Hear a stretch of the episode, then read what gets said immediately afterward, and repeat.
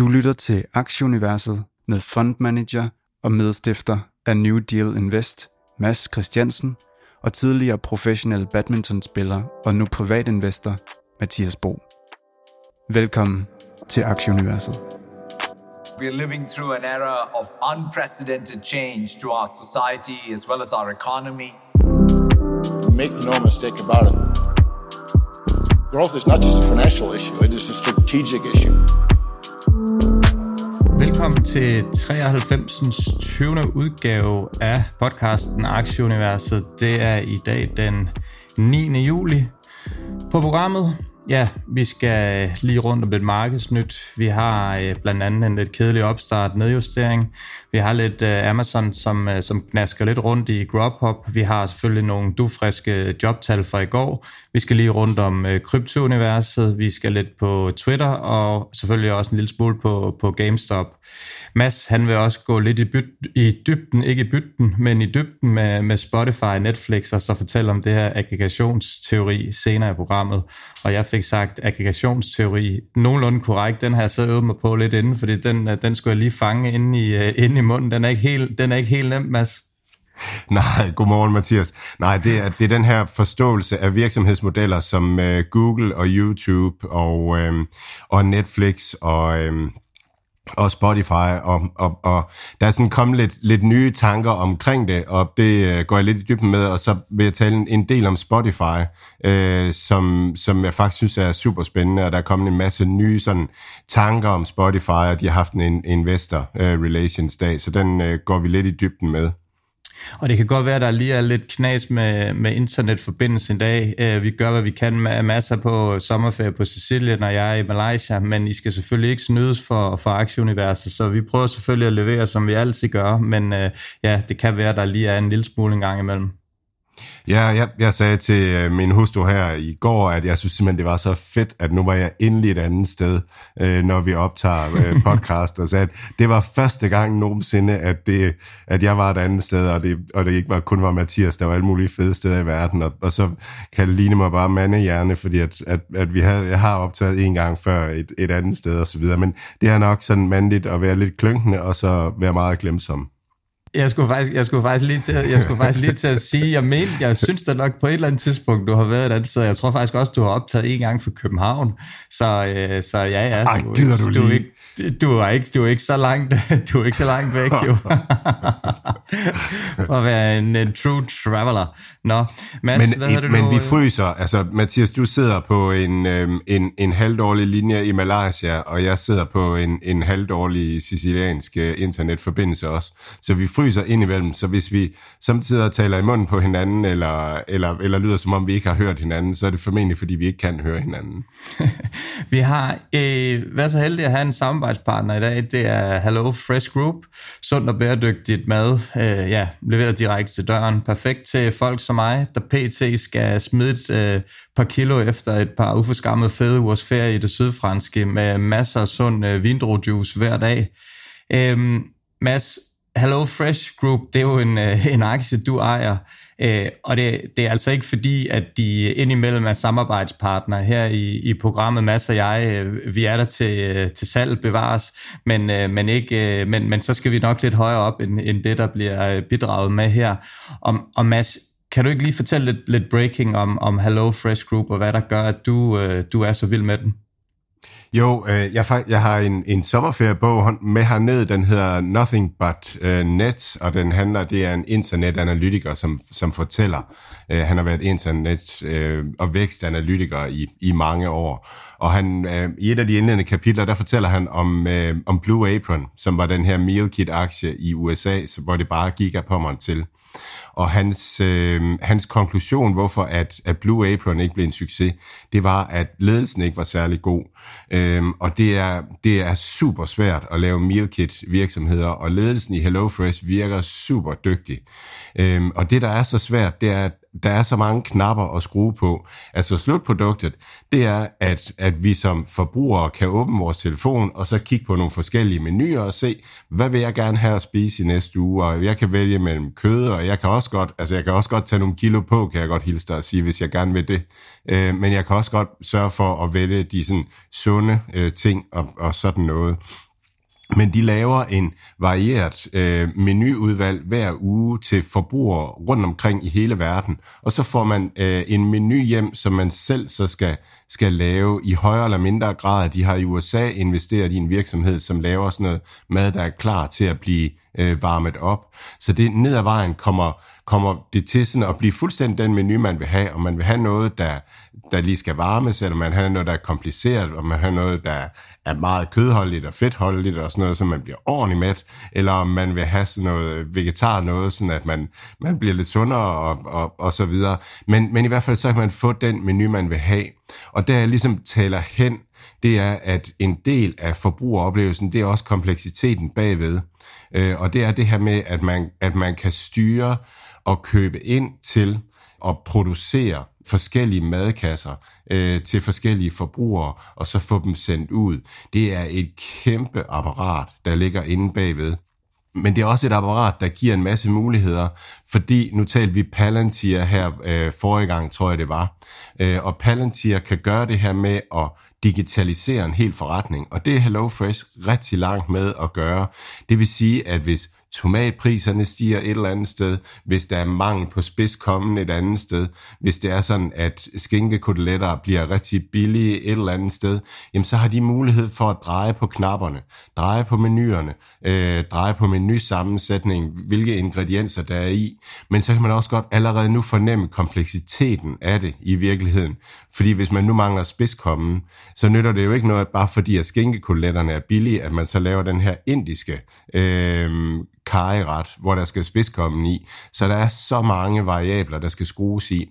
Og der er HelloFresh langt med at digitalisere hele deres forretning. Øhm, og det er Spotify også. Og det, øhm, der er et begreb, der hedder Virtual Intelligence, øh, som, som, som, som kommer i hu her.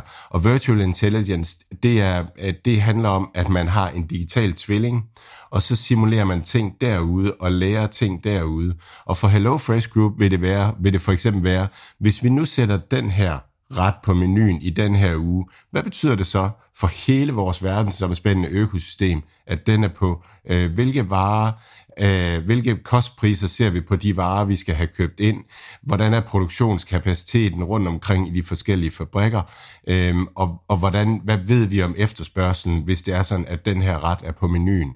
Og så kan man begynde at forudsige, hvad sker der ned ad vejen. Så det er derfor, jeg synes, at HelloFresh er så spændende en virksomhed at investere i, fordi de er på forefront af, af alle de her i bund og grund af alle de her teknologiske ting, men det er en helt simpel fysisk verden ting, de gør. De køber mad ind, de hugger det op, putter det i nogle poser, og så sender de det ud til folk. Så det er ikke en digital virksomhed, men det er en fysisk virksomhed, der er digitalt optimeret. Og der er noget med en rabatkode til vores lyttere, hvis de gerne vil prøve at spise sådan noget digitalt optimeret mad. Man hopper ind på HelloFresh Groups hjemmeside, og så taster man øh, koden aktie, og så får man øh, 30% på den første og den anden kasse, og derefter 10% på den tredje og fjerde kasse, og det gælder kun nye kunder. Mads, lad os lige starte lidt på de overordnede totener. Vi skal lige en gang rundt om indeks. Øh, god uge. Øh, bounce back fra, fra, fra sidste uge. Øh, S&P'en op 3%, Dow op øh, 1,8%, Nasdaq op over 5%, DAX uh, halvanden op, øh, C25 3,4 op. Den 10-årige rente, den er steg 3,1%, den faldt jo ret kraftigt i sidste uge. Olien er i 104 Øh, Euro-US dollar krydset, det nær, nærmer sig par. Den er i 1.02 nu. Øh, bounce back lidt i Bitcoin og Ethereum også. Bitcoin i ja, dugfrisk 21.500 og i Ethereum er omkring 1200 oppe fra ja, 1000 og, og 1900 noget i sidste uge. Så, øh, så også lidt, øh, lidt positive øh, ting at spore der. Øhm, vi havde jo en lidt kort øh, uge i USA på grund af 4. juli i, øh, i, i mandags, øhm, og det som investorerne sådan gik og, og, og så lidt frem imod, det var jo de her jobtal fredag, der, der kom, øhm, og de, de var rigtig positive. Der er stadigvæk fuld fart på, på jobsituationen i, i USA. 372.000 blev der skabt i juni, og det var langt bedre end forventningerne på 265.000. Øh, beskæftigelsen den er steget 18 måneder i, i træk nu. Øh, ledigheden er fortsat øh, 3,6 procent, og i maj måned lød den på det samme. den her lønudvikling, som vi også kigger lidt på over for inflationen, den steg til, øh, til 5,1 procent. Den bliver opgjort på årsbasis, og i, i maj måned var den øh, 5,2 procent. Og med det her øh, recessionssnak, inflationssnak, Mads, så man siger, at det her det er vel et, et meget godt murværk mod den her recession, i hvert fald på den korte bane. Øh, samtidig baner den jo nok også vejen for en, en 0,75 basispunkter stigning på, på rentemødet her senere på måneden. Hvad, tror du ikke det? Jo, altså hvis man, øh, hvis man ser på det narrativ, eller den historiefortælling, som jeg synes, jeg har kunne mærke ude i markedet, jamen, så var det, at, at i sidste uge kom fokus på, at, at oliepriserne faldt meget kraftigt, øh, og at... Øh, at Micron var ude med regnskab og, øh, og talte om, at, at, øh, at, der var, øh, at man så en nedsat efterspørgsel på forbrugerelektronik. Øh, snakken sidste uge var på, at hey, det ser ud som om, at inflationen kommer ned af sig selv. Øh, og det, det, som, det, det som, der er ligesom to mulige scenarier. Det, den ene, det er sådan en, en, øh, en inflation, der er super høj øh, på grund af høj efterspørgsel, og så lægger den sig, når efterspørgselen forsvinder. Det var sådan noget, vi havde efter, efter 2. verdenskrig, hvor der var sådan nogle dønninger øh, i efterspørgselen. Og så er der det, det andet inflationsscenarie, som er det, vi havde i 70'erne og 80'erne, at, at, at vi har sådan en, en lønspiral også, hvor at lønningerne stiger øh, på grund af, at inflationen stiger. Og der var man nok sådan begyndt at håbe på i markedet, at, det, at, at, at de, de her fald, den her faldende efterspørgsel og recessionen øh, ville få inflationen ned, og dermed vil man ikke få brug for så høje renter fra, øh, fra Fed. Og, og det, øh, altså, udover at, at tech er, var meget oversolgt, øh, og også, også bitcoin i bund og grund, øh, så tror jeg, det var den her forventning om, at renterne måske ikke skulle stige så meget, der gjorde, at de her øh, investeringsobjekter med lang varighed, at, at de ligesom begyndte at stige. Og når så de her jobtal kommer, øh, som tyder på, at de, de taler i hvert fald lidt imod recession, og taler lidt for lønspiral, øh, øh, altså også inflation på lønnen, jamen så er det klart, så, så tyder det igen på højere rente, og det var også det, vi så med, at, at hjælp på den 10-årige rente øh, i USA stiger. Og så er vi lidt tilbage ved, ved det samme, så man veksler imellem det her, den her diagnose på, øh, hvordan ender det her, hvor hårdt skal Fed slå? Øh, med rentestigninger for at få inflationen ned. Og, og den her uge var altså, øh, øh, øh jobtallene var et, et, et ryg i den anden retning, at Fed skal nok være mere aggressiv. Så det, det, kunne, det kunne tech og, øh, og vækst ikke så godt lide. Lige en anden ting med tech og vækst, det er, at, at nu her, hvor at at, øh, at øh, olie og commodities, de faldt meget. Altså det, det var jo et af de steder, hvor flows gik fra, øh, aktieinvestorernes flow gik fra, fra tech og over i, øh, i blandt andet råvarer øh, det sidste års tid. Og det kan man måske godt forestille sig, at det lige stille begynder at vende nu. Vi så også en sjov dag i går, for vi kan jo godt huske her, når vi sad og snakkede om det her for et halvt år siden, kom der en god, og øh, historisk set en god jobreport, betød kæmpe stigninger øh, i, i, øh, hvad hedder det nu, i, i aktiekurserne. Så havde vi en, en situation her det, det seneste halvårs tid, hvor en god jobreport egentlig gav tusindvis især til tech, mega, mega tæsk til, til det, fordi det, behøve, det betød jo så, at den, øh, den, øh, den økonomiske pengepolitik, den blev, den blev, hvad hedder det nu, øh, den blev strammet.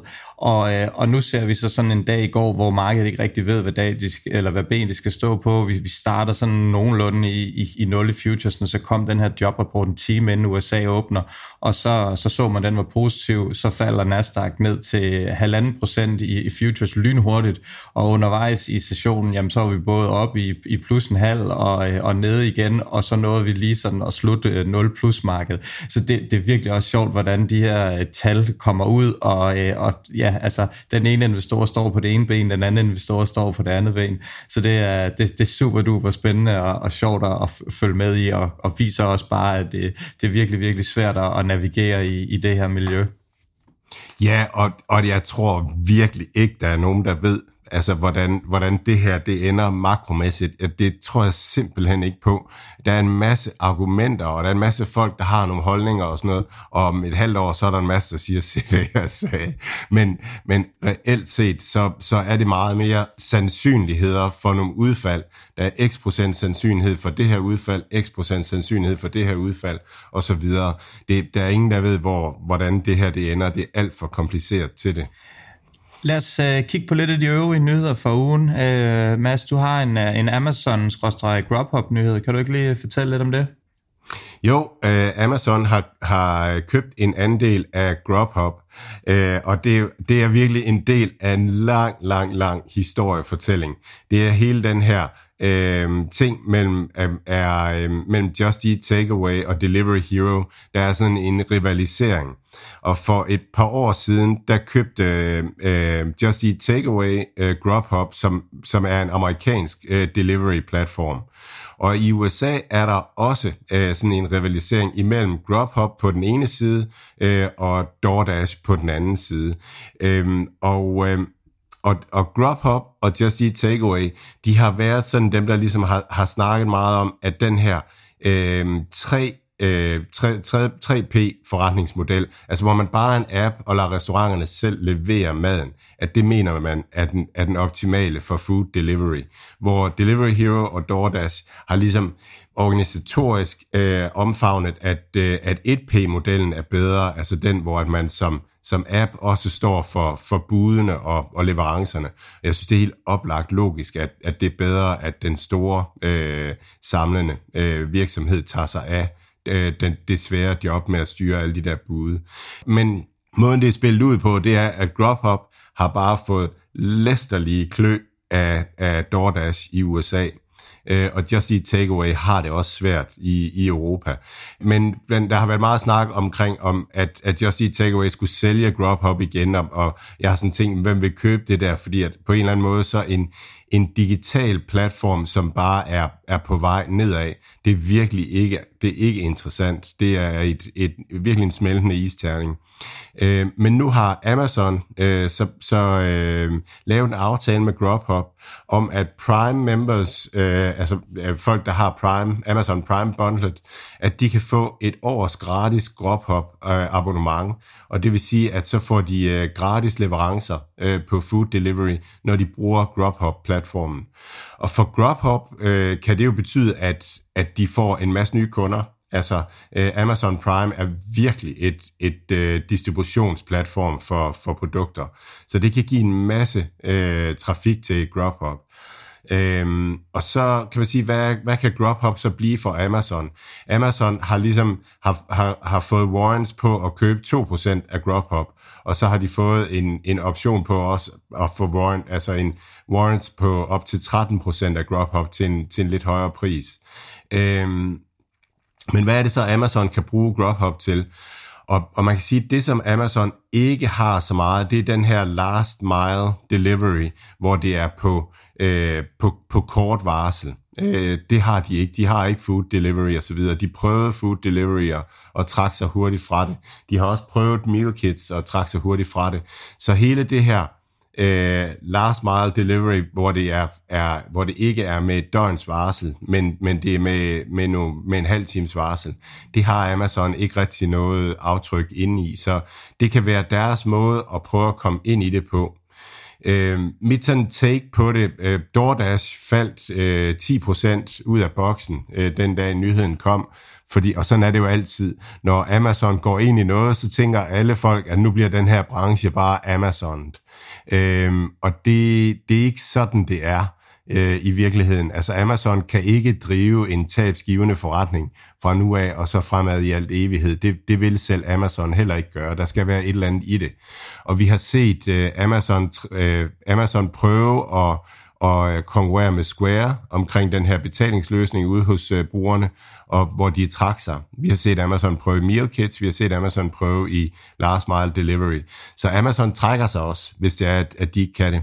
Og, og tilbage til øh, tilbage til, til, til det, der er svært ved last mile og ved meal kits, det er, at det er operationelt svært.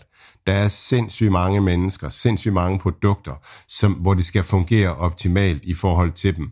Og, og det, det har sådan hele tiden været min tanke, at hvis man har en virksomhed som Grubhub og Just Eat Takeaway, som synes, vi er rigtig gode til at lave computer-apps, og, og egentlig ikke rigtig med hjertet gerne vil, vil organisere alle de her mennesker, der kører rundt med pakker og pizzaer og sådan nogle ting, altså, så bliver man aldrig rigtig gode til det. Og det er jeg ikke sikker på, at det kan ændres for, for Grubhub her, øh, selvom Amazon kommer ind over. Men øh, det bliver rigtig spændende øh, at, at følge ned ad vejen. Vi bliver en lille, lige en lille smule ved Amazon. Øhm, verdens mest værdifulde sportsliga, NFL, amerikansk fodbold, de vil sælge deres Sunday ticket, som det bliver kaldt. Det er de kampe, de viser om søndagen. Jeg tror både, der er kampe lørdag, søndag og mandag. Jeg er ikke lige helt sikker på med, med, med lørdag, men der er i hvert fald om mandagen Monday Night Football. Øhm, og det er de temmelig sikre på vil, vil udbydes til en streamingtjeneste. Øh, Apple, Amazon og Disney, de er, øh, de er contenders i den kamp. Og tænk lige at have et produkt, Mads, hvor, hvor, hvor de tre firmaer, de battler om at få lov at købe, øh, købe rettighederne. Det, det må fandme ned med at være dejligt. Det kan man godt regne ud. Så, øh, så snakker vi ikke 500 dollar for, for de her rettigheder her. Så øh, ja, øh, it must be nice og spændende at se, hvem der render med den her. Og det viser også den her udvikling, vi snakker om hele tiden, at det går altså over på, på de her streamingtjenester, og de, de får fingrene i, i mere og mere og mere. Øhm, så, så det bliver spændende at se. Ja, og det, det, taler faktisk, det er faktisk en meget god optakt til det, vi skal tale om senere, netop med Netflix og Spotify og sådan nogle ting. Øhm, men, men man kan jo godt se NFL som en creator her, altså som, som laver et, et rigtig godt produkt. Det svarer til at lave en, en film eller en serie eller et eller andet. De producerer et godt, et godt øh, stykke sportsunderholdning, som, som altså er, er boksen værd, fordi at, at det kan trække nogle folk til en streamingtjeneste. Og Mads, nu nævner jeg lige, at NFL er verdens mest værdifulde sportsliga. Hvilken er så nummer to? Åh, oh, ej, hvor vil jeg gerne svare rigtigt på, på det her. Men er det, er, det, er det Premier League? Det er et rigtig godt bud. Det er ikke rigtigt mere. Det er simpelthen den uh, indiske cricketliga. Uh, Mukesh Ambani har forhandlet nye tv-rettigheder på hans platform, der også hedder Wood, som har sikret sig rettighederne til det. Så, så hvem har troet, uh, cricket, der bliver spillet i fem lande, tror jeg nærmest, uh, de scorer simpelthen uh, ja, uh, lige efter NFL, verdens mest værdifulde brand nu her. Så uh, ja, du, jeg var så du tæt er tilgivet på. for ikke at, at Jeg var rigtigt. så tæt på. Jeg sad og tænkte indisk cricket eller engelsk fodbold, og så, øh, og så gik jeg med den forkerte. ja, det, men det er, det er virkelig voldsomt. For, ja, det er sindssygt. Det, det er voldsomt, fordi det er jo især i Danmark og i, i, i Vesten, der er jo de her store indiske krigsstjerner, de vil jo kunne rende rundt ind i København, uden der vil være en kæft, der vil ane, hvem, hvem de er. Og så, øh, og så i, hvad hedder det nu, Indien, der, der kan de ikke gå ud for en dør nogen steder. Men hvis man, altså hvis man regner det, igen, det kommer an på, hvordan man måler sådan noget, ikke? Så, så hvis man nu måler det i, øh, i pris per minut, altså så må cricket ligge langt nede, altså, det tager jo, altså det tager en hel dag at spille sådan en kamp der, det, det er mig uforståeligt, at, at det kan være så værdifuldt, det er så umanerligt kedeligt at se på. Ja, men det, det er de faktisk så, altså de har meget godt styr på den kommercielle del af det. De, de har forskellige, der er forskellige matcher. Det her, det hedder en T20, den tager omkring to og en halv, maks 3 timer inklusiv øh, pause. Så det svarer nogenlunde til, hvad en NFL-kamp taber. Så det er det, der hedder T20. Så er der så test crickets og øh, test og øh, kan ikke huske, hvad den sidste hedder, men det er dem, der godt kan tage flere, flere dage. Men det her koncept her, det er, der er du in and out på, øh, på tre timer, så, øh, så det har de også, øh, den har de regnet ud. Er det sådan, er det, kan du lige at se cricket? Er det sådan, at, at fruen hun godt ved, at, at når dit yndlingscrickethold det spiller, så, øhm, så skal hun ikke øh, forstyrre en, en, nej, jeg, jeg, jo, jeg kan, jeg kan sætte det på lidt en gang imellem, men som det er ikke sådan uh, virkelig action pack, så er det, jeg sidder og læser lidt nyheder på computeren eller eller andet, så kører det i baggrunden. Altså, men, men man kan godt, jeg kan godt se, at setupet er professionelt. Det er gennemtænkt. Hver gang der er en regel, som ikke virker, så får de det ændret lynhurtigt.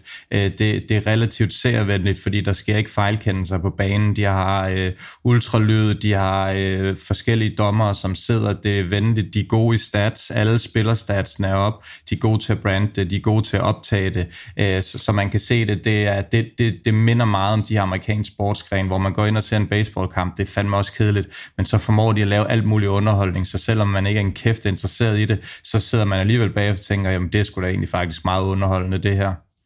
Er der så også øh, sportsbetting og sådan noget? Det må der være en masse ekstra, man kan på det der er, de har lavet øh, de har lavet den her app, hvor du kan lave sådan et managerhold. Den er faktisk også øh, relativt stor. Jeg skal lige komme tilbage til, hvad den hedder, men jeg, jeg tror godt, du kender navnet, når det er, hvor man så sidder, øh, hvor man så kan sætte sit managerhold og sådan nogle ting. Men selve altså betting, som vi kender det, det er ikke lovligt i Indien, så, så okay. der er ikke direkte betting. Øh, men, øh, men du har de her managerspil, hvor du kan sidde og være en del af det og sådan noget, og så altså, er det jo selvfølgelig heller ikke sværere for en inder at have en VPN, som man kan bruge et andet sted. Men øh, ja, Nok om, øh, nok om cricket, nok om Amazon. Øh, vi skal lige en gang øh, forbi øh, Kryptoland, øh, Voyager, Digital Mass, øh, ja. Ja, de har, Nej, det er det ikke. De, de har, øh, de har, de har sø, øh, søgt om, øh, eller de har erklæret sig konkurs. Øh, og øh, altså det, det, der rev dem ned til at starte med, var jo den her uh, Three Arrows øh, fond, som, øh, øh, som de havde lånt for meget til, og, og lige pludselig så kunne, så kunne Three Arrows ikke betale tilbage. Øhm, og der, der må have været andre ting i systemet, som, øh, hvor at, at Voyager havde, havde taget risiko. Øhm, og det, ja, det får vi, må, måske får vi det at vide, men, men i hvert fald så skal, de, øh, så skal de rekonstrueres nu på en eller anden måde, eller, eller bare lukkes ned. Jeg, jeg, jeg, altså et eller andet, der er jo et eller andet, der er jo en forretning, der er jo et, et, et, en, en masse kunderelationer, og, og de har købt øh, den her danske virksomhed også, og sådan nogle ting. Men vi må se, hvor, hvor det lander. Men øh, ja, de er, de er i hvert fald nede og ude, desværre. Der er også den her nyhed ud for Celsius, den her øh, øh, platform, som vi snakkede med, også det her staking-platform, vi snakkede med, med Jakob Skåning om for, for nogle uger siden. Øh, der er, hvad hedder det nu, øh, ja, det var jo den her, der sådan lidt ligesom var forgang for den her lidt større krypto-nedtur, vi har set. Og der er, der er en af deres tidligere investment managers, der er ude og deltage i et søgsmål mod dem, der han, der han påstår, at, at det hele er et Ponzi-scam her også. Så mm. ja, det, det er stadigvæk svært, og der er mange us- usikkerhed omkring det her øh, krypto, kryptomarked i øjeblikket. Det virker til, at, at flere og flere, de, de både lukker ned for udbetaling og, og ser problemer i, øh, i de her ting, det lige pludselig kommer op, at at det, det måske ikke er, som det, det skal være. Så, så selvom vi måske har set lidt, lidt stigninger i, i, i Bitcoin og Ethereum her, så, så vil det i hvert fald ikke være super overraskende, hvis vi skal en, en tur længere ned herfra. Øh, det, men igen, det kan, det kan kun fremtiden øh, ja, øh, gøre slåere på. Ja, og, og i virkeligheden så, øhm, altså det man lige skal huske her, det er, at, at det her Ponzi-scheme og al den her ekstra belåning, der har været på det her aktiv, som, hedder, som er blockchain-protokoller, som blockchain-protokoller er i virksomhed, virkeligheden virksomheder. Det er, det er ikke anderledes end, end det, vi har set rundt omkring i verden øh, på andre tidspunkter. Og vi skal faktisk ikke mere end, end 12-13 år tilbage, før der var en lignende øh, Øh, situation. Dengang der var det ikke blockchain, der var et Ponzi-scheme omkring, der var det ejendom, der var et, et Ponzi-scheme omkring, øhm, og, og hvor, hvor hele verden var ved at falde sammen. Så det er en det er den, den virkelige verdens økonomi, som, som laver et Ponzi-scheme omkring et eller andet aktiv, og den her gang var det det nye aktiv blockchain. Så jeg tror, det er rigtig vigtigt for folk derude i forståelsen af af blockchain og forstå, at det er egentlig ikke blockchain. I virkeligheden så kan man ikke sådan noget her på en blockchain, fordi man kan ikke rigtig give, øh, altså man ejer den NFT, man ejer, og det kan, det kan man ikke give på nogen måde. Øh, men, men man kan give det via de her øh, exchanges og via, via den, den den gamle verdens, øh, hvad skal man sige, øh, hans mekanismer. Så, øh, så, så blockchain som teknologi er egentlig, fortsætter egentlig stille og roligt, og folk arbejder videre med, med at bruge den til alle mulige forskellige ting. Men øh, hele, hele den her hans ting omkring blockchain har fået en ordentlig en på Singadusen, og, vi, og, og det er en rigtig god sammenligning og sammenligne med ejendoms- og bankmarkedet tilbage i, øh, i, i 2007, 8, 9, og så må vi se, hvor, hvornår at, at det, det lander, og, øh, og, og, og, og støvet øh, letter fra det.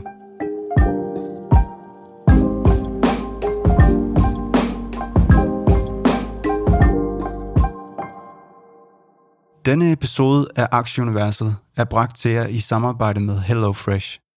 Vælg mellem en masse spændende retter og få dem bragt direkte til døren i passende portioner, klar til at tilberede.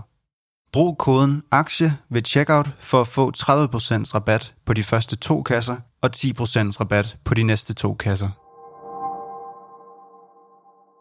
Vi skal lige forbi GameStop. Øhm, der siger for, han blev øh, fyret det fik, øh, det fik aktien til at falde 5% i aftermarkedet torsdag, øh, men der var steget øh, 15% på nyheden om et, et aktiesplit, der, da det blev offentliggjort. 1-4 bliver, bliver det på, og så er vi jo tilbage til det her, øh, øh, ja, okay, ja, non-event i virkeligheden, men, øh, men, men det kan godt være, at der, der var nogen, der var tilfreds med det her GameStop-aktien, som, øh, som jo er den her øh, ja, konge af, af meme-stocks, hvis, hvis man kan sige det sådan, men, men som, som bestemt også kan nogle andre ting end, end det, og en, og en super spændende aktie, som ja, jo har været på trods af størrelsen været ekstremt omtalt de, de sidste år, og, og blandt andet også har været med her med, med os i aktieuniverset. Ja, og GameStop er øhm, GameStop handler jo sammen med vækstaktierne. Øh, så den stiger, når vækstaktierne øh, stiger, og, øh, og falder, når vækstaktierne falder. Øhm, og og det, øh, det skyldes nok, at, at de er i gang med at prøve at, øh, at springe en, en, en led over i distributionen. GameStop øh, distribuerede øh, øh, computerspil på CD-ROM, øh, kom ikke med på digital distribution, og nu arbejder man meget med at komme med på, øh, på, på blockchain og NFT-toget inden for gaming og arbejder med den, øh, med den industri. Og det er ligesom det, der er skal blive fremtiden for GameStop, og det er derfor, at GameStop handler med, med tech-aktierne. For ellers så ligner det en value-aktie. Øh, de, øh, de har deres butikker, og, og de er noget nær break-even, og de handler til en price sales på, jeg tror det er omkring en, sådan et eller andet. Og så er det meget sjovt, sådan når folk de siger, at det er en meme, meme-aktie, øh, så tænker jeg bare, at jeg vil rigtig gerne finde nogle meme-aktier og investere i langsigtet, fordi at, at det var da mega godt, ikke? Da vi havde Seattle Dave med her i vores første program, og han pitchede, at GameStop nok i virkeligheden kunne være en god investering, der handlede den i 5 dollars, og nu handler den i 130 dollars og har ingen gæld øh, og er, er ligesom rekonstrueret. Så, øh, så varm luft har det ikke været. Det har simpelthen været en aktie, der har været solgt alt, alt, alt for langt ned øh, i forhold til det potentiale, den havde. Det øh, er måske øh, lidt buzzwords for den næste aktie, vi lige skal omkring, Mads øh, Matterport også en af de her aktier, som, som bestemt godt kan tegne fremtiden og, og sende den ud af, ud af ballpark for nu at blive baseball- og cricket-terminologien. Der er lige lidt nyt der. Gør os lidt klogere. Ja, den Matterport er jo også virkelig handlet langt ned nu. Øh, handler i, jeg kan ikke huske, om det er 3 eller 3,5 dollar eller sådan et eller andet. Var oppe og runde i nummer 30 dollars her før øh, jul. Og noget af det, der har ramt Matterport, det er jo, øh, jeg skal lige sige, Matterport er den her virksomhed, som, som laver digitale tvillinger af ejendomme. Øh, det vil sige, at man, man giver den som input øh, billeder af sin lejlighed, eller sit hus, eller sin butik, øh, og så omdanner Matterport det til en digital model af, øh, af det hus, man er i. Det vil sige, Matterport, øh, Matterport laver en digital model, som man kan vende og dreje osv., så, videre. så det er ikke sådan et, en, en billedting, det er en, en regulær digital tvilling, øh, man producerer ud fra det. Og der har Apple også lavet et produkt, som, øh, som kan meget af det her. Øh, og, og det har gjort investorerne nervøs for, hvad skal, hvad skal Matterport så? Og Matterport viser nu, synes jeg, vejen øh, ved at købe øh, noget, der hedder VHT-studier. Og det VHT-studier er, er sådan en, en markedsføringsplatform for øh, ejendomsmalere. Øh, så de hjælper med at, at lave øh, materiale til, øh, til ejendomsmalere, til, til fremvisning af lejligheder. Og ejendomsmalere er en af kernekunderne hos Matterport. Det er der, det virkelig gør en forskel, også at man kan at man kan se, øh, se det, det, man eventuelt skal ud og købe inden. Øh, Matterport kan vise data på, at ejendomsmalere sælger mere, øh, og at de også sælger til højere priser, og det gør de jo fordi, at, at de får deres kernekunder til ind og se øh, virksomhed, eller nej, se, øh, se øh, ejendommen hjemmefra, øh, så, så, så, ja, så efterspørgselen bliver simpelthen øh, større. Så det Matterport nu har købt, det er, at man kan, man kan lave en fuld løsning for ejendomsmalere, Øh, det vil sige, at, at en ejendomsmaler øh, siger til Matterport, vil du ikke, vi, er, vi har et nyt hus her, øh, vil I lige tage og scanne det, og så lave en fuld salgsfremstilling øh, øh, til, til øh, netproduktion. Og det, er, det kalder man vertikal integration. Det vil sige, at udover at Matterport kan lave den første ydelse, så kan man lave nogle flere ydelser for nogle specifikke kunder. Og det er sådan den det tekstbogs måden at konkurrere med en, en, øh, en virksomhed som Apple. Apple er så stor, at det er svært for dem at lave alle de her vertikale integrationer øh, ned. De kan lave det store, brede mal med den store pensel og prøve features på deres iPhones, men det med at lave specifik, øh, specifikt tilrettede øh, produkter til ejendomsmalere, det, det bliver aldrig Apple, der kommer til det. Det bliver aldrig Facebook, det bliver aldrig Google. Øh, det, det, der skal man have en speciel virksomhed. Og så det er helt rigtigt af Matterport, at, at de integrerer vertikalt øh, på den her måde, og på den måde så bliver de stadigvæk super relevante for ejendomsmalere øh, i forhold til, til Apples øh, produkt. Øh, og jeg, jeg tror igen, så er vi hen ved det her med, bliver, bliver, bliver den her branche og den her funktionalitet, bliver det, uh, bliver det Apple, der gør det? Det tror jeg ikke på. Altså jeg tror, det er for, bliver for specifikt. Det andet Matterport kan, det er jo for, en, for eksempel Starbucks. De kan, Starbucks kan have en, en digital version af alle deres butikker. Så hvis Starbucks har købt 100.000 stikkontakter for 10 år siden, og, og lige pludselig finder ud af, at de stikkontakter er der altså så brandrisiko ved, øh, så kan man sende, øh, sende managerne ud i alle butikkerne og, og prøve at finde ud af, hvad er det for nogle stikkontakter, vi har siddende. Eller også så kan man bruge en digitale tvilling til at se, okay, det er den og den og den stikkontakt i den og den og den butik, der sender vi nogen ud lige at få skiftet dem. Så, øh, så, så der er sådan noget andet ejendomsadministration, også indretning. Hvordan indretter man en Starbucks? Øh, og igen, så kan man hurtigt komme over i noget virtual intelligence og noget artificial intelligence. Den, når, når vi har alle Starbucks digitaliseret, og, og den og den og den virker godt, der sidder folk længere og hygger sig, jamen så, så nu har vi en ny, øh, ny butik, som, øh, som vi køber og skal indrette, der er grundareal sådan her, jamen så kan vi egentlig bruge artificial intelligence til at sige, jamen så skal den nok se sådan cirka sådan her ud, for at folk sidder og hygger sig og, og nyder det og gerne vil ind og, og kigge. Så masser af muligheder inden for, for digitalisering af, af det her felt, hvor Matterford kan, kan bruge det godt.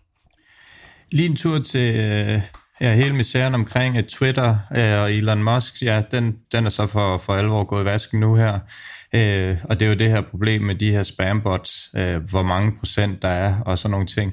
Og man kan sige, at de her spambots, det er jo efterhånden et, et af de mest effektive propagandaværktøjer, der findes. Øh, der findes mange firmaer derude, som man kan gå ind, og så, så kan man enten få dem, få dem til at, at få en masse likes på mit tweet. Hvis jeg, øh, hvis jeg skriver øh, masse af en flot ung fyr, så, så kan jeg få et af de her firmaer til at gå ind og, og like det, og sige, ja, ja, agree, agree, og jeg kan også få, øh, få dem til at gå ind og svine det til, og øh, svine mig til, og sige, hvad fanden er det for noget lort at skrive, og alle sådan nogle ting. Og det er jo klart, at det er jo den her uærlighed eller mangel på ærlighed, som, som Elon Musk selvfølgelig gerne vil bekæmpe, og hele hans vision med at købe Twitter i første omgang.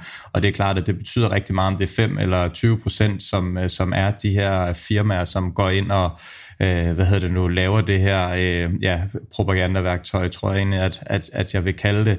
Øh, vi, vi kender det jo alle sammen, øh, men, øh, og vi kender det jo også for, for sproget, der bliver brugt, når vi, når vi skriver sammen på de sociale medier. Det er desværre ikke særlig, øh, særlig øh, kønt. Øh, en lille smule diskussion af bare den ene eller den anden kan, kan gøre selv øh, veluddannede mennesker ufattelig usaglige at høre på, det er jo ja, også noget, vi, vi selv oplever lidt, og øh, jeg i hvert fald haft meget erfaring med i, i min, min karriere som, som sportsmand, som den må man jo så tage med. Øh, så, så det er selvfølgelig et stort problem, og det ligner ikke, at det er blevet, blevet bedre. Tværtimod, øh, så, så går folk virkelig til stålet derinde, og, og det er selvfølgelig super ærgerligt øh, for, øh, ja, for os alle sammen, så at sige. Jamen, det er, og det er jo holdninger, øh, som, som folk lige pludselig øh, kan komme, komme ud med, og måske øh, lidt for let i virkeligheden, altså fordi at, at man, man tit kan gøre det fra en anonym øh, profil. Med hensyn til Twitter, så er jeg lidt uforstående over for, at det er det her, der, der ligesom knækker handen, fordi jeg troede egentlig netop, at det var det her, som Elon han rigtig gerne ville ind og ligesom at rydde op i og skabe den her platform, hvor at, at, øh, at, at man virkelig kunne altså kunne tale sammen, og, og, og, og hvor sandheden øh, kunne komme frem om, omkring alting. Så, så øh, ja, må ikke der foregår en, en hel masse ting, som, som vi ikke nødvendigvis lige hører om. Det gør der øh, højst sandsynligt. Øh, Sea Limited og øh, ja, deres produkt Shopee har også lidt, øh, lidt nyheder. Hvad, hvad går det ud på? Ja, de åbner fem distributionscenter i Brasilien. Øhm, og, og det, så tænker man, om det er jo bare det. Er jo bare det. Men, men det er i virkeligheden, altså Shopee har jo, øh, deres, deres forretningsmodel er enormt øh, asset light. De, øh, de, de har bare en app, og så videre. De er egentlig det, som Just Eat Takeaway og Grubhub gerne har ville være altid. Og nu bevæger man sig over i, i det næste, at man begynder at gøre ligesom Amazon, Mercado Libre, øh, Shopify gør, at man begynder at investere i logistik, øh, og det er enormt dyrt at gøre, og man binder sig rigtig meget til det. Man køber nogle faciliteter, eller, eller, øh, eller leaser, eller hvad man nu gør, og så ansætter man en masse mennesker og køber nogle maskiner, der kan en masse ting og sådan noget. Så man investerer rigtig mange penge i det. Øhm, og, og Shopee arbejder generelt meget sådan, øh, innovativt, altså man eksperimenterer og gør først noget, når man, når man sådan har data på, at det her, det skal nok virke. Og det er derfor, at jeg var ude på Twitter og sige, at det her, det, det er meget større, end man lige tænker, det er. Fordi at det er virkelig, nu begynder de at lægge virkelig penge i, altså investere virkelig penge i Brasilien. Og det for mig viser det, at, at, at de ser kun, at de ser rigtig gode øh, tal ud fra Brasilien, god udvikling, gode muligheder øh, og så videre. Så, så jeg synes, det er en super stærk øh, nyhed. Og så kan man sige, at aktiemarkedet kan enten vælge at sige, at det virker stærkt på den lange sigt, eller også så kan de vælge at sige, puha, det betyder, at, øh, at, at øh, der kommer mange udgifter øh, i, i de næste kvartaler, så, så må vi hellere sælge. Og det er, jo, det er jo sådan den sidste note, aktiemarkedet har været på i lang tid. Men igen, hvis renten hvis renten begynder at falde, så vil vi hælde imod, så vil vi hælde imod den anden ende lige så stille og begynde at tænke, åh, oh, det ser godt ud på lang sigt. Øhm, ja. Og Mads, ugens dårligste nyhed, øh, ja, det er i hvert fald på aktiemarkedet, øh, jeg tror bare, vi kan sige det sådan. Ja. Ja. Øh, opstart, 20% ned i går, nedjustering øh, igen. Skulle måske have hørt, øh, lyttet lidt til, øh, til Morgan Stanley og mig sidste lørdag, der de kom med en øh, nedjustering her øh, fra, fra 77 til 18. Den tog et ordentligt øh, dyk ned, hvis de noget om, om, om den her melding eller ej. Det er jo altid spændende, men øh, tag, os, øh, tag os lige igennem, hvad, hvad der er op og ned med, med opstart her. Jo, men det tror jeg simpelthen, øh, de har haft en god idé om. Øh, altså opstart nedjustere deres omsætning øh, fra, øh, fra 300 millioner forventeligt til, øh, til 228 millioner. Det er, det er alligevel en slant. Øh, så, øh, så stiger deres contribution margin øh, til 47% fra 45%, så, så de har egentlig sådan meget godt styr på enhedsøkonomien i det. Øh, og, og, og så siger de, de siger, at aktiviteten på markedspladsen er nedsat på grund af lav lyst til at låne penge ud og til at tage lån. Øh, og, og det er jo vigtigt at forstå, at Opstart er en markedsplads. De, øh, de, de er gode til at rate øh, øh, låntagere, øh, og, så, og så giver de en vurdering af, hvis man som bank eller som, som, øh, som kapitalforvalter øh, af en eller anden art, låner den her, de her 10 millioner dollars ud til den her gruppe af lånere, så, så forudsiger Opstart et cashflow på det.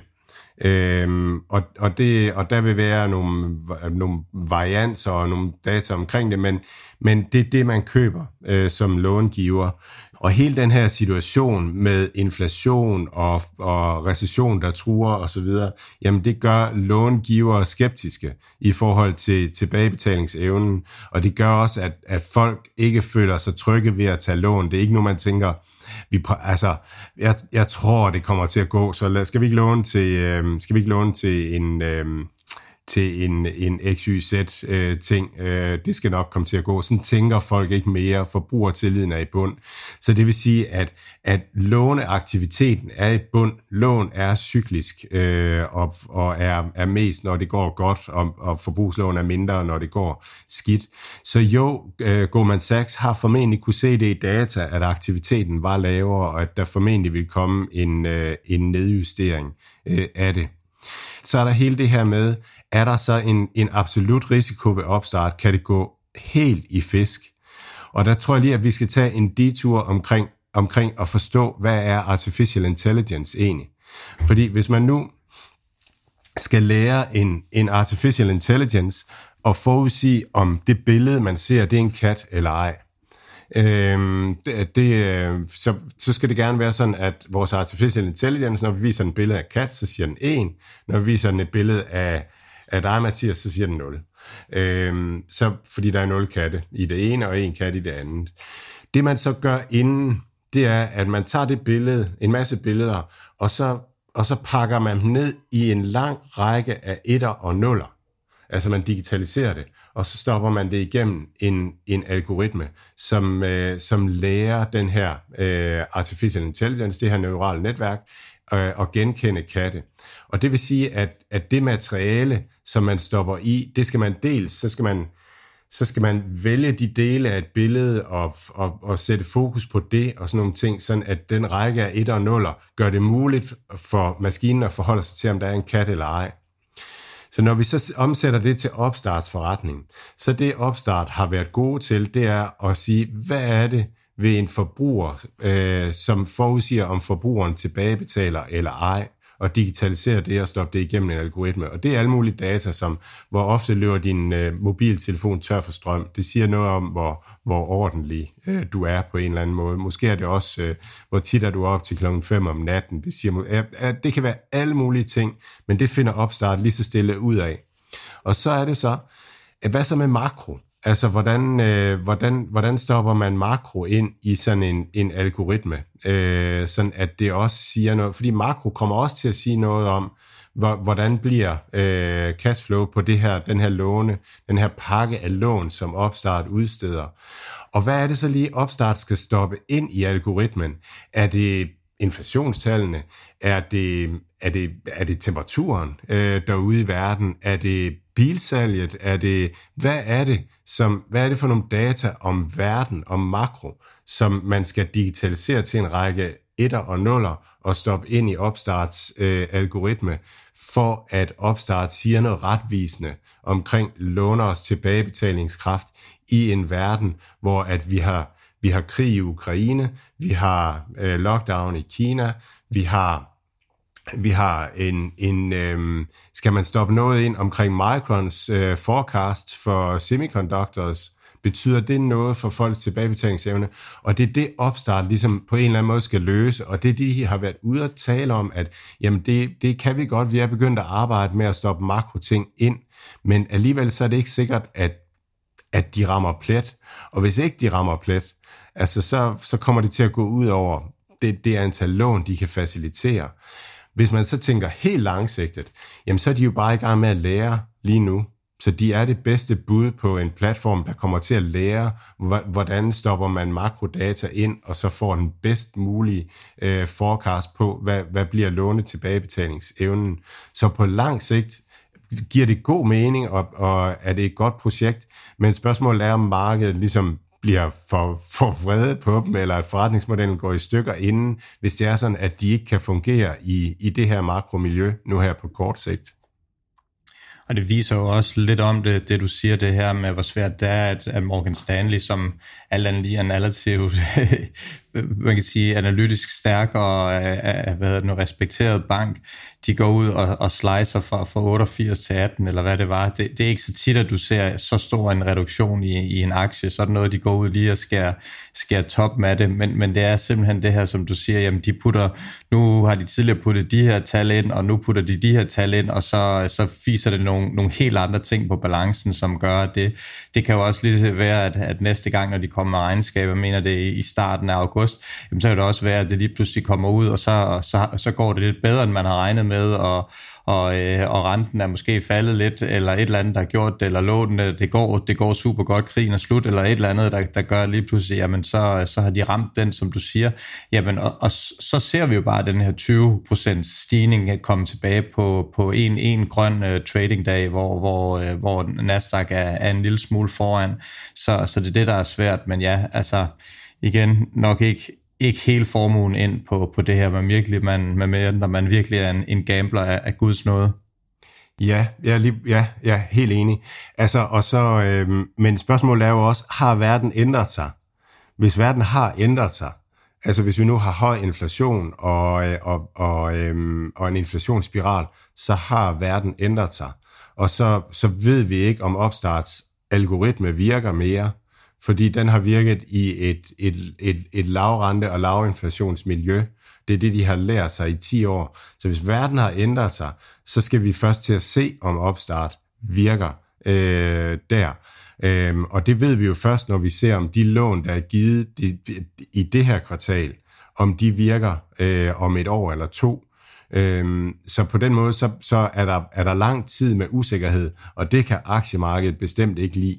Altså, og, og, øh, og bare for, ja, det er ikke fordi, at jeg har ramt særlig godt her den sidste tid, øhm, ja, men, men når jeg siger det, så er det jo også, altså så, så er det jo ikke facit er jo på, på, hvordan jeg rammer, det er jo ikke, det er jo ikke, hvordan, hvordan klarer mine aktier sig i en, en, en økonomisk tsunami af den anden verden, så er det, hvordan klarer de sig på lang sigt, bliver de til de her virksomheder, øh, som, øh, som man regner med. Og jeg har ikke ændret mine tanker om, at jeg tror, at Opstart bliver, bliver den virksomhed, som kommer til at, at, at at implementere AI på, på lånegivning generelt, og jeg tror, det er en meget bedre løsning end den gamle FICO-baserede løsning. Så, øh, så, så jeg sidder stille i båden, men jeg køber heller ikke noget lige nu. Alt hvad Mads, Mathias og deres gæster siger, er deres egne meninger. Det er ikke finansiel rådgivning. Denne podcast er udelukkende ment som information og skal ikke bruges til at lave beslutninger om investeringer. Mads, Mathias og kunder i New Deal Invest kan have positioner i de virksomheder, der tales om i podcasten. Godt, Mads. Vi skal, øh, vi skal lige over og kigge lidt på Spotify, Netflix og den her aggregationsteori, også øh, i forbindelse ja. med aggregationsteori. Nu var den der, øh, ja. den, den skulle lige smøres igen øh, i, i forbindelse med det her, så, øh, så prøv lige at, øh, at, at tage os igennem det. Ja, hvis vi starter lige med, med det her med at forstå øh, aggregationsteori, så er, det, så er det noget, man har talt om for at beskrive øh, den her forretningsmodel, som, som Google for eksempel er. Øh, internettet gav gratis distribution af alle mulige ting. Øhm, og det har betydet en, en øh, det betyder sådan en, en abundance af, af rigtig mange ting. Og værdikæder generelt i et forbrugermarked, jamen, så er det jo noget med, at der er noget forsyning, og så er der noget distribution og efterspørgsel. Og før internettet, så, øh, så er der en del værdikæder, som det har været muligt at kontrollere distribution, hvor det har været muligt at kontrollere distributionen. Gyldendal er et rigtig godt eksempel, altså forlæggeren. Hvis man for, for 40 år siden ville skrive en bog og have den ud til danskerne, altså så skulle man have Gyldendal til at, at, at hjælpe med det, hjælpe med at producere, og så hjælpe med at distribuere. Ellers så, ellers så var det rigtig svært at, at komme ud med, med sin bog. Og det kan også være ting, altså andre ting, der er svære. Altså det har tidligere været svært at lave en video og få den ud til folk og publicere. Og det har internettet ændret. Distributionen af de ting, der kan digitaliseres er gratis, øh, og udbuddet er stort. Så nu er man gået mod en, en verden, hvor at, at, at scarcity var, øh, var på produkter øh, og, og kunne få dem. Men nu er der simpelthen så mange produkter, at det svære nu, det er at finde dem, der er relevante. Altså, der er så mange artikler, og der er så mange videoer, og der er så mange ting, man kan kigge på derude, så det svære det er for forbrugerne at finde det, der er relevant. Og der er det, at aggregatorerne hjælper. Google, når du stiller et spørgsmål ud på internettet, så hjælper Google dig med at finde den artikel, der er bedst til at give dig svaret. YouTube hjælper dig med at finde den video, som, som mest sandsynligt er den, du gerne vil se. Og Facebook hjælper dig med at finde det indhold omkring dine venners liv, øh, som, som du helst vil se. Og det betyder, at de her aggregatorer kommer til at kontrollere efterspørgselen. Og en af dem, som har været sådan med til at definere det her aggregation, øh, som forretningsmodel. Det er en fyr, der hedder Ben Thompson. Han laver et, øh, et nyhedsbrev, der hedder Strategy, og det kan jeg varmt anbefale. Han er sådan en af de helt store tænkere. Øh, så det er sådan, jeg læser altid tingene to gange for at forstå det. Men øh, han lavede tilbage i 17, der lavede han en artikel, der hed Defining Aggregators. Øh, og der var nogle forskellige karakteristika ved de her aggregatorer. Og så talte han om, om tre levels af aggregators, hvor der var en, en level 3, som er den her, jeg har talt om, øh, Google og Facebook, YouTube. Og det han talte om der, det var, at deres, deres indhold, altså deres forsyning, var gratis. De kostede ikke noget at få indholdet. Og så var der to andre aggregatorer typer, som han nu ligesom har sagt, at det er egentlig ikke aggregatorer. Øh, den ene, det var level 1, øh, hvor man betaler for forsyningen, og det var for eksempel Netflix øh, som betaler for film og så videre. Og, og dit NFL-eksempel der, det er også, altså, at dem, der sender det videre, det, det vil være en level 1-aggregator i, i hans gamle øh, rammeværk omkring det. Level 2-aggregatorer er dem, hvor at, at der, der også er en, øh, en, en, en omkostning, øhm, men det er ikke sådan færdige produkter. Det er Uber og Airbnb for eksempel. Altså man skal have chauffører på, øh, og man skal, have, man skal have lejligheder på, og det koster på en eller anden måde et eller andet at få dem ind, og hvis efterspørgselen der bliver stor på chauffører, eller der er mangel på chauffører, jamen så stiger prisen på chauffører, og det er det Uber hele tiden slås med, det er, at at når de skalerer deres øh, efterspørgselsside, jamen så ender de også med at, at øge efterspørgselen på chauffører. Så de har ikke den der, at de er ikke en aggregator øh, på den måde. Øhm, og, og det Ben Thompson så er ude med i sidste uge, det er en ny artikel, hvor han ligesom gør op med det her og siger, at jeg tog fejl. Øh, de her level 1 og 2, de er ikke aggregatorer. Det er simpelthen virksomheder, som sælger no, et produkt øh, videre. Øh, og så snakker han om Spotify og sammenligner Spotify og Netflix, hvor han konkluderer, at Netflix, Netflix altså har ikke egentlig rigtig nogen sådan rigtig konkurrencemæssige fordele mens at, at Spotify måske har, og, og Ben Thompson, han, han snakker om, at Spotifys musik, det de, det de sælger videre, det får de til en fast pris, og det er altid den samme pris som konkurrenterne. Så på den måde synes han godt, at, at man kan tale om, at de alligevel er en aggregator, fordi at, eller minder om en aggregator, fordi at det er fast pris, det de, øh, det de køber ind til så læste jeg Antonio Linares, altså, som vi havde med i øh, at tale om, øh, om øh, Palantir. Han har skrevet et deep dive på Spotify og sammenligner også med Netflix. Og han siger, jamen, jamen forskellen på Spotify og Netflix, det er, at Artificial Intelligence kan bedre håndtere podcasts end film. Så hvis, hvis man skal se den, de her virksomheder, Spotify og Netflix som aggregator, så er det fordi, at de bliver rigtig gode til at forudsige, hvilken type underholdning, film vil vi gerne have. Så man kan godt tale om, at Spotify godt kan være en aggregator, fordi øh, det, det, øh, forsyningen kommer til samme pris, og man kan levere rigtig god værdi ved at, at være god til at forudsige noget musik, som du ikke kender nu, Mathias, men som du rigtig gerne egentlig vil øh, høre øh, og have med.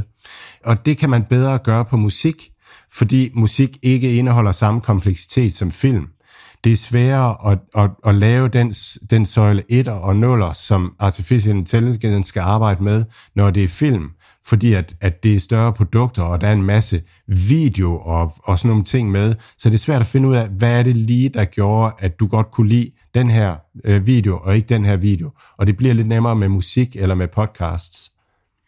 De har jo den her funktion på Netflix, hvor der står, når man går ind på en eller anden serie eller, eller søger efter content, så står der et eller andet 95% match i forhold til, hvad du, hvad du tidligere har set. Så man kan sige, de her øh, algoritmer ligger jo allerede inden. De, de er måske bare ikke helt så skarpe, og, og, eller, eller hvordan er det? Ja, altså ja, og det er Antonios, øh, det er Antonios pointe, det er, at det er svært på film.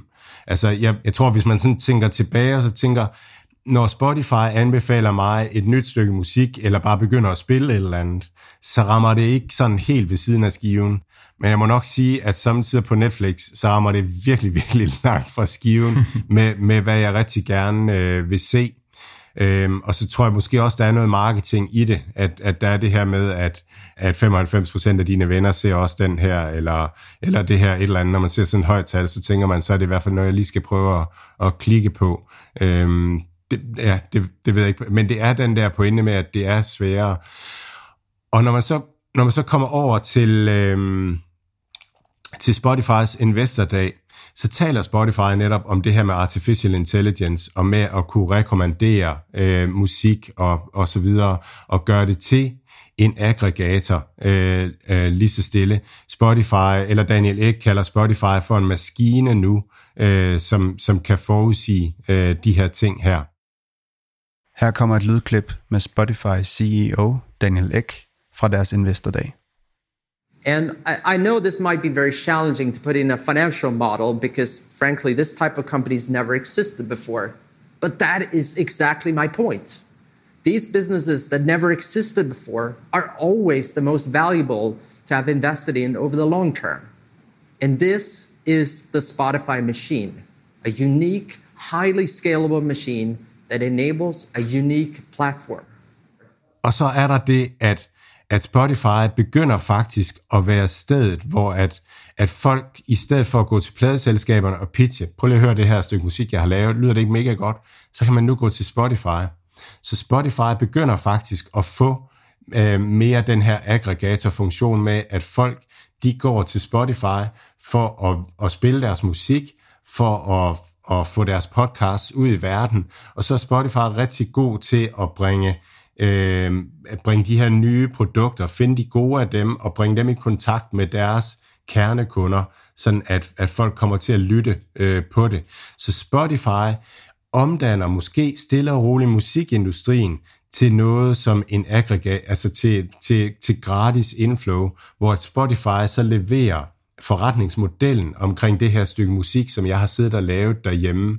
Så det giver muligheden for den her creator-økonomi på en anden måde, og for ikke at skulle betale for musikken upfront, men at kunne hjælpe musikerne med at komme ud til deres kernekunder øh, og, og, og monetarisere deres musik på den måde. Så Spotify kommer mere og mere til at ligne en regulær level 3 aggregator. Spotify, det de får meget kritik for, det er jo, at det er forholdsvis meget øh, lidt af, af de her penge og det her øh, revenue, de tjener for deres kunder, rent faktisk går til kunstnerne. Øh, og, og du skal være helt op og være en stor fisk, som har millioner af afspillinger hver dag, før det rent faktisk giver noget. Det er jo blandt andet det, danske musikere klager over, fordi vi er så lille et marked, som, som vi er. Er du ikke bange for, at, at alt det her, det ligger på, øh, på nogle blockchains et eller andet sted, at musikerne selv kan lave nogle blockchains, hvor, hvor det bliver kørt ind over, eller et eller andet andet, så, så Spotify og de her andre streamingtjenester bliver, bliver fuldstændig kørt over, fordi det, det tænker jeg, hvis der ikke bliver lavet en eller anden bedre revenue share model, hvor, hvor, hvorfor skal det så være en fordel at lægge ud til, til 200 millioner brugere, hvis, hvis jeg laver en, en sang på dansk, som, som alligevel kun har en målgruppe på, på 200.000 øh, Spotify-grupper eller brugere, eller hvor mange der er i Danmark, jamen så kan jeg lige så godt kanalisere det over på, øh, hvad hedder det, på, på en eller anden blockchain, og så kan det godt være, at alle ikke lige får, får hvad hedder det nu, adgang til mit navn, men, men de 100, øh, det, det giver stadigvæk mere, de 100, der kender mig, at, at de betaler pengene øh, 95% til mig, i stedet for, at det er 0,001% til mig, eller hvad, hvad delen der de får på, på Spotify. Jo, Mathias, og nu, nu, øh, nu lavede du sådan lidt fis med, at du ikke engang kunne finde ud af at udtale, uh, udtale det der ag- aggregator og sådan nogle ting, men, men du næler det fuldstændig, altså totalt, uh, på, på, på, på flere forskellige måder. Der der er tre ting til det, du siger. Altså først og fremmest, så er du fuldstændig ret i, at, at det, der bliver Spotify's uh, konkurrent fremadrettet, det bliver, uh, det bliver blockchain. Og spørgsmålet er, kan blockchain så øhm, kan blockchain så ekstrahere endnu mere værdi til, øhm, til, til de her øhm, kunstnere. Og det, men det kunstnerne får brug for, når de har lavet deres mus- stykke musik og ejer det på blockchain, det er jo at have en Spotify-funktion, som kan hjælpe folk med at finde det musik, øh, de gerne vil have. Så Spotify laver værdi. Spotify er selv ude og, og vise, at, at, øh, at kunstnerne får mere værdi, når de bruger Spotify, end når de bruger den klassiske øh, musikindustri. Øh, så, øh, så jeg tror, at Spotify er mere øh, musikervenlig end, øh, end øh, musikindustrien. Det er i hvert fald deres, øh, det er i hvert fald deres hvad skal man sige, deres ønske øh, at være det. Men spørgsmålet er, om, om blockchain kan, kan være det øh, endnu mere. Så... Øh, så, så hørte jeg et interview øh, med en fyr, der hedder Alex Danko fra Shopify øh, i den her uge også, og han fortalte om, om tokenized øh, commerce, altså de ar- Shopify arbejder med at, at lave sådan et kommercielt øh, blockchain-produkt, som butiksejere og sådan nogle ting øh, kan bruge. Øhm, og, og Shopify og Spotify, de arbejder sammen. Så det er helt sikkert, at, at noget af det her vil også blive integreret nedad, i hvert fald at musikerne kan, kan lettere komme til at lave, lave, øhm, lave NFT'er og sådan nogle ting, og sælge dem øh, ved det. Og så kan man jo se de her NFT'er som, som merchandise i virkeligheden fra musikerne. Men det sjove ved det der Spotify-interview, det var, at Alex Danko, han, han før han kom til Shopify, der var han øh, musiker øh, og havde et band og prøvede at klare den, og han havde en pladekontrakt og sådan nogle ting.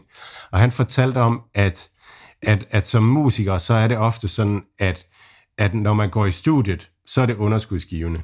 Så man taber penge på at indspille musik. Så, øh, så kan man lave koncerter og sådan nogle ting, og det får ofte det hele til at gå i break-even. Så der man tjener sit overskud som musiker, det er merchandise. Så, øh, så, så han, han satte ligesom musikbranchen op som en merchandise-forretning, at det er der, man tjener, tjener sine penge. Og så var det meget sjovt, så fortalte han, at at netsalget af merchandise, det er, det er faktisk kun få procent af det samlede salg. Så man sælger, man sælger kasketterne og t-shirtsene ud til, til koncerter og sådan nogle ting. Og det var sådan noget af det, som, som han arbejder med at bruge blockchain til at hjælpe på. Men det jeg vil hen med det her, det var, at Spotify arbejder også med den her sådan samlede, øh, samlede forretningsmodel for musikerne, og hjælpe dem i mål med, at, at de skal tjene penge, og det er ikke kun på at afspille musikken, det er også på, at der er merchandise, og der skal også være mulighed for, der, ja, de nævnte ikke NFT'er, men det kommer helt sikkert også, altså, så de kommer til at være den der one-stop platform for musikere til rigtig at monetisere deres musik, og så kan Shopify, eller Spotify, også hjælpe med feedback til musikerne, at vores AI viser, at hvis du rigtig gerne vil ramme den her målgruppe, så skal der nok lidt mere trommer på, sådan lige der øh, en tredjedel inden, og så lidt længere hen. Og øh, hvis du kan finde en, der lige kan spille lidt elektrisk guitar også, så tror vi nok, at det vil hjælpe dig. Så de kan også være, de kan også hjælpe musikerne til at få, få lavet det musik, som, som rigtig virker. Så der vil hen, det er, det er at at det, som Spotify selv siger på deres, øh, på deres øh, Investor Relations dag, at, at de har bygget for fremtiden, de har forsøgt at skabe rigtig meget efterspørgsel på deres platform, altså rigtig mange brugere, og de arbejder med at gøre det til en god forretningsmodel for, for leverandørerne. Det virker rigtigt. Og, og, og nu har de investeret rigtig meget i podcasts og sådan noget, og gør det effektivt og kosteffektivt, og det er gået ud over deres resultater de sidste år, hvor musikdelen har egentlig performet ret godt. Og så siger de selv, at de kommer til at have stigende marginer nu fremadrettet, og det vil være sådan en klassisk aggregator-ting, at jo bedre du bliver som aggregator, jo, jo bedre marginer får du. Så, øhm, så jeg, jeg, jeg er selv blevet, blevet meget, meget varm på, på Spotify efter, efter det her, og igen, truslen er er helt klart øh, blockchain, og truslen er ikke ret meget Amazon og øh, Apple Music, fordi de gør slet ikke det her. Så er vi tilbage ved Matterport igen, at hele den her vertikale integration i, i, øh, i musikernes øh, økonomi og facilitere alt omkring den, det kommer Apple eller Amazon Prime aldrig nogensinde til at, at gøre på samme måde. Det er Spotify, der gør det. Så øh, super spændende, spændende ting.